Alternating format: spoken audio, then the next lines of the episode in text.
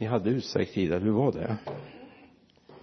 Jag bad just min hustru här om att få lite utsträckt tid ikväll. Hon sa att det var okej. Okay. Hon skulle inte åka hem utan mig. Det är väl bra va? Är du beredd? Amen. Jag vill ta dig med till Romarbrevets tolfte kapitel verserna fyra och fem. Eh, innan jag delar någonting om det ska jag bara säga på söndag kväll så tänkte jag vi ska släppa det här med powerpointen och så tänkte jag undervisa om rätt användning av nådegåvorna. Rätt användning av nådegåvorna det känns som det är viktigt. Jag tror att vi är inne i en tid där vi kommer få se mer av nådegåvorna. Och det är viktigt att vi får en stabil grund att det blir sunt och att det kan tjäna Guds församling. Amen. Nu läser vi Romarbrevet 12 verserna 4 och 5 för liksom vi en enda kropp har många lemmar och alla lemmar inte har samma uppgift så är vi många en enda kropp i Kristus. Men var för sig är vi varandras lemmar. Men var för sig är vi varandras lemmar. Tänk om du skulle våga vända dig till den som sitter närmare och säga du min bror eller min syster jag behöver dig. Vågar ni säga det?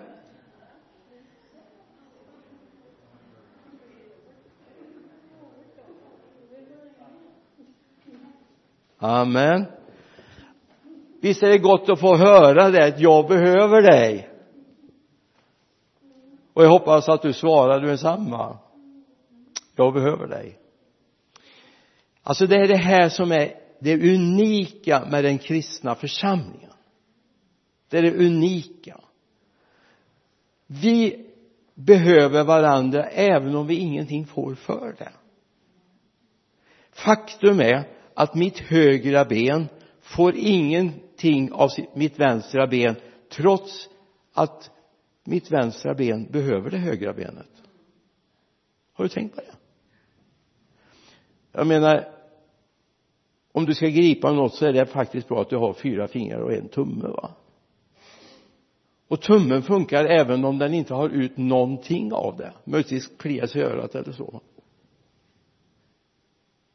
så här är det med Kristi kropp. Vi är varandras delar. Och det här är så viktigt.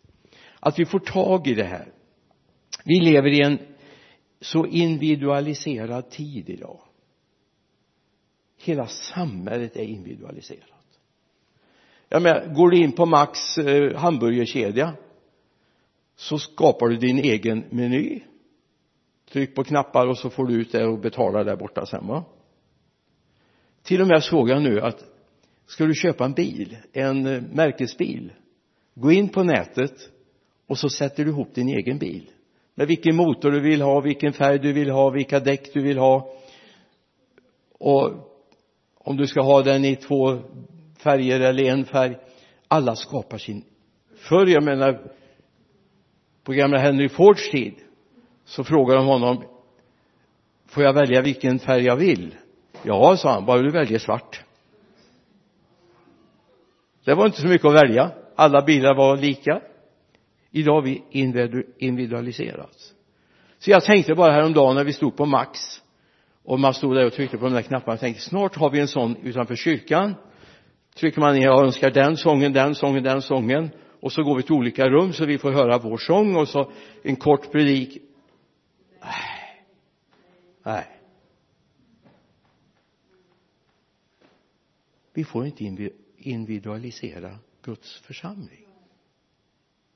Det är Gud som har satt in oss där vi ska vara, eller hur? Och vi är det som Gud har bett oss göra, eller hur? Men det är också viktigt att jag säger inte bara att någon säger till mig jag behöver dig.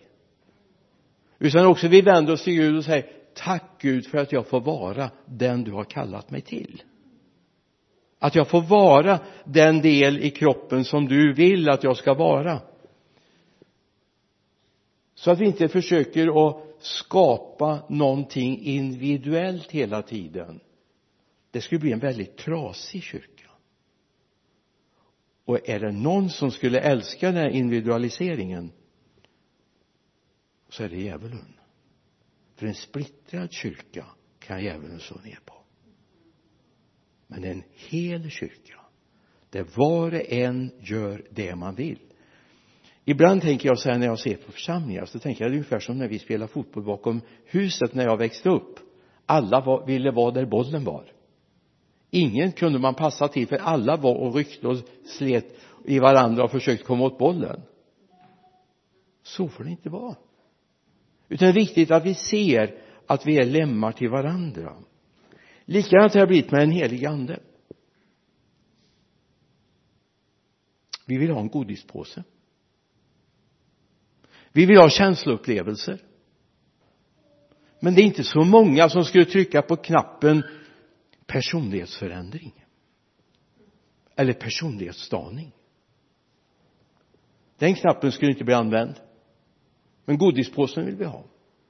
Känsloupplevelserna vill vi ha det här ska vi prata om lite mer på söndag. Men Gud han har lagt ner gåvorna så som han vill. Amen. Och då är det så här att en del droppar ner över dig. Och något över dig. För att helheten ska bli fullkomlig. Och vi ska vara en församling som är hel i den här staden alla funktioner ska finnas, alla gåvor ska finnas där. Det är klart att det är mycket mer underbart att få vara med och tala tungor och uttyda och få dela budskap med varandra. Att ha det där skilja mellan andarna, det är lite jobbigt. Jag vet. Det är jobbigt. Men om inte det finns så är vi snart sönderslagna.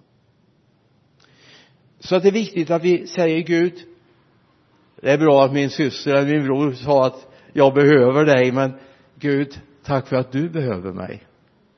För det verk som jag håller på att göra i Lidköping. Jag fick en fråga för ett tag sedan av en troende broder som sa du sa han är det så här att när du åker till Lidköping, du har en gudstjänst på förmiddagen i Vänersborg och så har du en gudstjänst i Lidköping på eftermiddagen. Kör du bara en light-version av förmiddagens predikan nej. Det funkar inte. Jag måste ta tid och söka Gud för varje enskilt tillfälle. Innan du var här så visste Gud att du skulle vara här. Och därför anpassade Gud undervisningen just för det här tillfället. Plus för de som lyssnar via nätet sen det vet Gud också om. Han har stenkoll. Så när du säger till Gud jag är så trött då säger Gud du jag känner till det. Jag känner dig. När du känner jag är så ledsen jag är så uppgiven så knackar han bara på och säger jag vet om det. Och jag har redan bett för dig. Därför du är insatt i ett sammanhang. Sen står det så här att om en lem lider så lider alla de andra lemmarna. Hallå när led du för någon lem i kroppen senast? Utan att du hade fått fem sms eller ett antal messenger eller telefonsamtal. Han där uppe han vill kommunicera med oss för dina syskons skull. Ja men det är ju lätt att säga du jag behöver dig men säg det också till den helige ande. Helige ande jag vill få vara använd för mina syskons skull av dig. Det är fantastiskt. Det är helt fantastiskt att få uppleva att Gud bara kallar, knackar på sig du, nu ska du be för Anette här till exempel. Nu ska du be för Sara, nu ska du be för ja, vad nu nu heter va, Jovan och är inte det jobbigt? Nej det är underbart. Det är helt underbart. Nu ska jag inte ha en lektion i anatomi här men du vet ett blodkärl som har varit avkapat ett tag och som inte har producerat eller används för blodgenomströmning det vittrar sönder. Hemligheten i att blodkärlen är fräscha det är att det pulserar blod igenom. Med de näringsämnen som kommer med med den syresättning som kommer och så vidare. Så är det också med mig och mitt kristna liv ju mer det får strömma igenom från den heliga ande till mig ju fräschare blir jag. Alltså det, alltså det går inte mänskligt logiskt att förklara det här va? Utan det här måste bara få upplevas. För jag menar att vara vaken tre timmar en natt för att man har fått ett bönämne på sitt hjärta då kan man tänka att då är man dödstrött nästa dag. Nej man är inte det. Därför det strömmar helig ande genom mig inte som en godispåse där jag sitter och gottar mig utan därför att jag får vara i tjänst för Gud. Är det någonting som rör mitt hjärta väldigt mycket? Det är när jag får höra om bönesämnen när det gäller barn. Jag vet inte om jag har fått en speciell nådegåva på det området. Jag hittar den inte i bibeln men det känns så. Alltså när jag möter barn det berör mitt hjärta något enormt. Så det är det någonting jag ber för så är det ofta barn som växer upp och som finns i närheten som Gud bara kallar nu ska du be för David till exempel va? Du ska be för Liam eller du ska be för Isabelle eller Elinor eller Elvira där va? Och de ungdomar som jag ska få förmån att döpa här nu i september månad det är sådana här som har funnits som bönämnen på mitt hjärta de har gått in och ut med föräldrarna i kyrkan. Och Gud har bara lagt dem på mitt hjärta. Så för mig var det ett jätte när jag fick höra nu efter församlingsveckan att de hade kommit och anmält sig att de ville döpas. Ja det är så stort. De har funnits som bönämne på mitt hjärta. Jag har inte bett om det. Jag har inte sagt Gud jag har inte varit strategisk utan Gud har lagt det på mitt hjärta därför är det mina bönesvar som jag ska få döpa. Det är helt fantastiskt. Och jag har många sådana som ligger framför nu och, och jag bara väntar på att jag ska få vara med och se och föra dem vidare mot Jesus så. så vi behöver varandra. Och det är någonting vi behöver få få tag i. Då kommer Hebreerbrevets författare med ett oerhört viktigt råd vi vet ju egentligen inte vem som skrivit Hebreerbrevet. En del säger Paulus, andra säger Apollos. Det finns ytterligare några teorier. Jag bryr mig inte om vad jag säger. Det är egentligen kommit från himlen. Vem som än har skrivit det så är det kommit från himlen. Så jag, jag säger att det, det är Gud som har editerat det här. Tolfte kapitlet. Några versar där. Då säger Hebreerbrevets författare när vi nu har en så stor sky av vittnen omkring oss låt oss då lägga bort allt som tynger och särskilt synden som snärjer oss så hårt och löpa uthålligt i den lopp vi har framför oss. Och så står det och låt oss ha blicken fäst på Jesus. Låt oss ha blicken fäst på Jesus. Trons upphovsman och fullkomnare för att nå den glädje som låg framför honom uthärdade han korset utan att bry sig om skammen och sitter nu på högra sidan om Guds tron. Lägg av allt som tynger. Och då står det särskilt synden. Ja det finns synd som vi bör lägga av ibland. Och synd är inte allt det där som vi har räknat upp att man har stulit, att man har drogat, att man har misshandlat vidare är så fort jag vänder Gud ryggen och går min egen väg. Jag kan bara ge dig ett bibelord som du kan notera och läsa? Mm. Jesaja 53 vers 6 jag ska inte läsa den just nu. Här är hemligheten till att Jesus var tvungen att gå på korset. Vid att vi var och en ville vandra sin egen väg. Därför lät Gud det här drabba honom. Så vi måste lägga av. Men det finns andra saker som fångar vår uppmärksamhet. Som vi inte kan kategorisera som synd eller fruktansvärda saker. Men det som får mig att ta bort fokus från Jesus. Fokus ifrån mitt uppdrag. Det Gud har kallat mig till. Det jag en dag ska stå inför honom och göra räkenskap för. Det där som tar bort mitt fokus på Jesus det kan vara helt godkända prylar det kan vara helt godkända saker. Men som gör att jag fångas upp av det och tappar fokus på Jesus. Lägg bort det säger jag. Inte för att det är synd. Du behöver inte bekänna det som synd. Men därför att du har tappat fokus på honom. Vi ska ha blicken på honom. Det behöver vi i den tiden. Det kommer att dra ihop. Alltså låt mig få säga någonting det har varit lätt att vara kristen tills nu. Men det kommer inte att vara lätt att vara kristen. Det håller på att dra ihop sig. Vi har en vecka som pågår just nu uppe i Stockholm.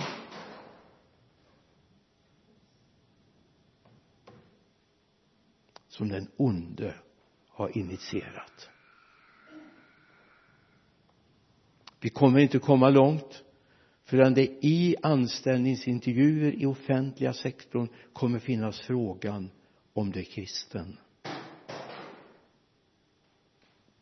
Och är du kristen så kommer du inte sättas på någon betydelsefull tjänst. Vi har sådana försök idag. Det kommer en tid när det kommer vara tufft. Och då kommer det vara viktigt att vi har lärt oss att älska varandra. Då kommer det vara väldigt viktigt att vi är tajta med varandra. Och att vi håller ihop att vi ber för varandra att vi betjänar att vi uppmuntrar att vi vägleder varandra att vi beskyddar varandra. Så församlingen har inte spelat ut sin roll. Vi aldrig aldrig har den varit så viktig som den kommer vara nu. Där vi ser om varandra bekymrar oss för varandra och där vi uppmuntrar att lägga bort det där som tar fokuset ifrån Jesus. Jag lärde mig av en gammal äldstebroder i en församling jag tjänade en gång i tiden. Han sa någonting som var väldigt viktigt alltså idag är det kanske lite passé det här med morgontidning. Jag vet inte om det är så många som har morgontidning idag. Det är inte så många som läser NLT på måndag morgon eller onsdag morgon eller fredag morgon utan man kanske slår upp det på nätet sen istället. Kollar. Och kanske man har tillgång till någon annan tidning. Men han, det var på den tiden när morgontidningen damp ner i brevlådan strax före fem på morgonen. Och den här mannen Gunnar Röst hette han hemma hos Herren så många år tillbaka. Han sa någonting. När jag var nyfrälst då eh,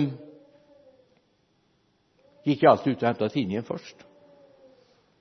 Så tittade jag och såg vad som har hänt för någonting. Jag menar det fanns inte Facebook det fanns inte appar att följa. Men så sa Gud till honom jaha tidningen är viktigare än jag. Så från den stunden börjar jag alltid med Guds ord inget annat. Jag satt inte ens på kaffe. Det gör jag. Får jag bekänna. Och så tar jag min bibel. Tyvärr är jag så dålig så jag till och med går och värmer i mikron på morgonen. Och sen Guds ord. Då stod han stadigt. Då kunde han möta dagens händelser och motgångar. Men han visste. Jag hade haft kontakt med honom och det är en jättebra lära att ha med sig. Att alltid veta att man har honom med sig. Så missa inte detta. Det finns en hemlig matematik hos Gud och vet du om det? Jag kan bara ta något exempel. I äktenskapet blir ett plus ett inte två. Det blir ett. Eller hur? Gud säger att han har skapat oss första Moseboks andra kapitel vers nummer någonting. 24 därför man, ska man lämna sin far och mor och hålla sig till sin hustru för de ska bli ett kött. Alltså en person. Och det är jätteviktigt. Det är Guds matematik. Att av två gör han ett. Vi kan ta ett annat exempel när vi har bespisningsundret. Så är det fem bröd två fiskar utgör en matsäck det var en grabb hade med sig. Efter att 5000 inklusive kvinnor och barn eller plus kvinnor och barn plus kvinnor och barn hade ätit så blev det 12 korgar över. Det här är Guds matematik. Vi skulle kunna ta exempel på exempel från bibeln. Där Gud räknar helt annorlunda än vad du och jag gör och vi har exempel från vårt eget liv hur Gud har varit med. Och det går bara inte att förklara på något vanligt naturligt sätt utan vi bara säger att Gud har varit här. Både när det gäller plånboken och gäller olja i tanken på vår, vår eh, panna där vi bodde etc etc Gud har en annan matematik. Det finns ytterligare ett exempel. Det är att av alla lemmar i en kropp har Gud gjort ett. Det är ett. Individualismen finns inte i kristet tro utan där vi underordnar och samordnade med varandra. Och du vet att när mitt högra ben vill gå hit till, upp för trappan till eh, baptistkyrkan i Lidköping så säger vänstra ben jag vill också med. Du får inte gå själv eller hur det var likadant när du gick upp för trappen här. Och så här är det med det är en helt fantastisk bild egentligen som Paulus målar upp för oss som församlingen där Kristus är huvudet. Det är han som är den som är kungen som bestämmer överallt. Och han bestämmer över oss allihop. Och samordnar oss till ett. Det är Guds matematik. Av tusen, tiotusen, hundratusen har Gud gjort ett? Ha med det. Nu är inte vi hundra, vi är inte tusen än men vi kommer bli hundra. Eller hur? Visst blir vi det. Du vet hade alla varit frälsta här i stan redan då tror jag inte Gud vill att vi ska bli hundra utan då får vi vara det antal vi är så att säga. Men nu är inte alla hundra procenten i Lidköping frälsta än eller omgivningarna. Alltså finns det plats för 100, 200, 300, 400, 500 som behöver bli frälsta. Eller hur? Och tänk att av det här kan Gud göra en enhet. Göra ett. Så vi jobbar i samma riktning så vi gör saker tillsammans. Varför då? När vi blir ett så kommer världen att se Jesus. Inte den enskilde men när han ser helheten. Så kommer de se där är Jesus. Där bor han. Där händer det saker. Där kan man be för människor. Därför vi hör ihop. Och vi tjänar du vet mina armar håller inte på att klia på mig hela tiden så här utan jag gör lite annat med mina armar. Ibland är det så här att vi, vi har varit väldigt bra att klia varandra. De här är till för att sträckas ut. Vår mun är till för att berätta för människor om Jesus. Vi var nu har jag tappat dagarna. Var det nog förra tisdagen? Ja. nej det var i tisdags ja jag vet. Vi var på kusten och så mötte vi Elida där Tarrens son Stefan gav ett vittnesbörd som bara skar rakt in i mitt inre. Det var inget nytt. Ja men evangeliet om Jesus har jag hört förut. Jag har läst det hundratusentals gånger. Nej kanske tusentals gånger. Men så berättar han. Så mättat med Guds ord så att den där som aldrig har satt sin fot i en kyrka aldrig har tänkt på Gud helt plötsligt stannade upp. Det var något nytt. Han hade förmågan att föra ut evangeliet till de där människorna som aldrig har hört. Och det var så mättat av Guds ord. Så inbäddat av ordet. Utsädet som vi har. Det är det här som vi behöver berätta. Och vi gör det tillsammans. Vi står tillsammans. Vi ber för varandra. Vi betjänar tillsammans. Och vi får olika gåvor att tjäna med. Och det är inte din gåva. Kom ihåg om du har tungotalet för ut och uttydning så är det inte din gåva. Det här är en felläsning i Guds ord utan det är församlingens gåva. Han har satt i församlingen står det. Individualisering hör inte hemma i den kristna. Det är därför det ser ut som det gör i den kristna sammanhangen i Sverige. Därför vi har individualiserat. Men när kroppen kommer samman så kommer människor se. Jesus är uppenbarad. Jesus är där. Amen. Nu tog jag lite mer än de där fem minuterna jag bad om. Jag tog tio. Hoppas ni inte jag hade lite till men jag tror vi nöjer oss där. Vi jag har bara ett budskap. Vi hör ihop. Och det du har fått i ditt bagage av Gud det har inte jag fått. Men tillsammans kommer vi tjäna Gud. Tillsammans kommer vi tjäna Gud.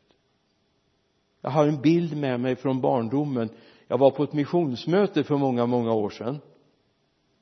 Och på den tiden visade man diabilder. Är det någon mer än jag som är så gammal så ni har varit på missionsmöten och visade diabilder. Nej jag, jag förstår att jag är gammal. Men i alla fall på en diabild var det två afrikanska barn som lekte med varsitt cykelhjul och så var kommentaren att de hade gjort sig varsin leksak. De hade slaktat en cykel och tagit varsitt hjul och lekte med. Och jag bara tänkte och det här gör man en grej av. Jag sa det är väl bättre sagt till barnen. Sätt ihop cykeln igen så kan ni använda den och transportera er på den. Ibland har vi gjort så. Vi har slaktat det Gud har gett oss istället för att se det som en helhet. Vi hör ihop. Jag behöver dig. Du behöver mig vi behöver varandra.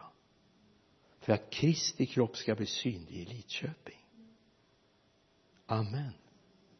Och så kommer människor att vilja ha Jesus. Eller hur? Är du beredd? Du kanske får tio lärjungar nu under den här hösten va? Är du beredd? Du behöver bara svara i ditt hjärta. Men det viktiga är att vara beredd. För det kommer hända och då ska vi inte behöva komma in åkandes från Vänersborg för att ta hand om de nyfrälsta i Lidköping. Vi tar hand om er så tar ni hand om de nyfrälsta, eller hur? Är det okej? Okay? vi är överens? Amen. Jesus jag bara ber att det här ska få bara bäddas ner i våra hjärtan. Jesus låt det här få landa. Och herre du vill ha en församling. En kropp som är din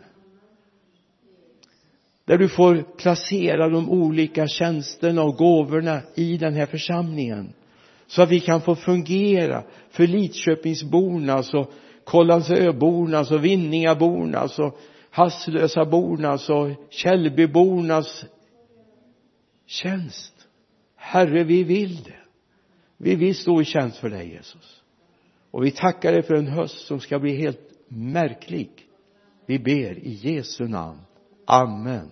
Amen.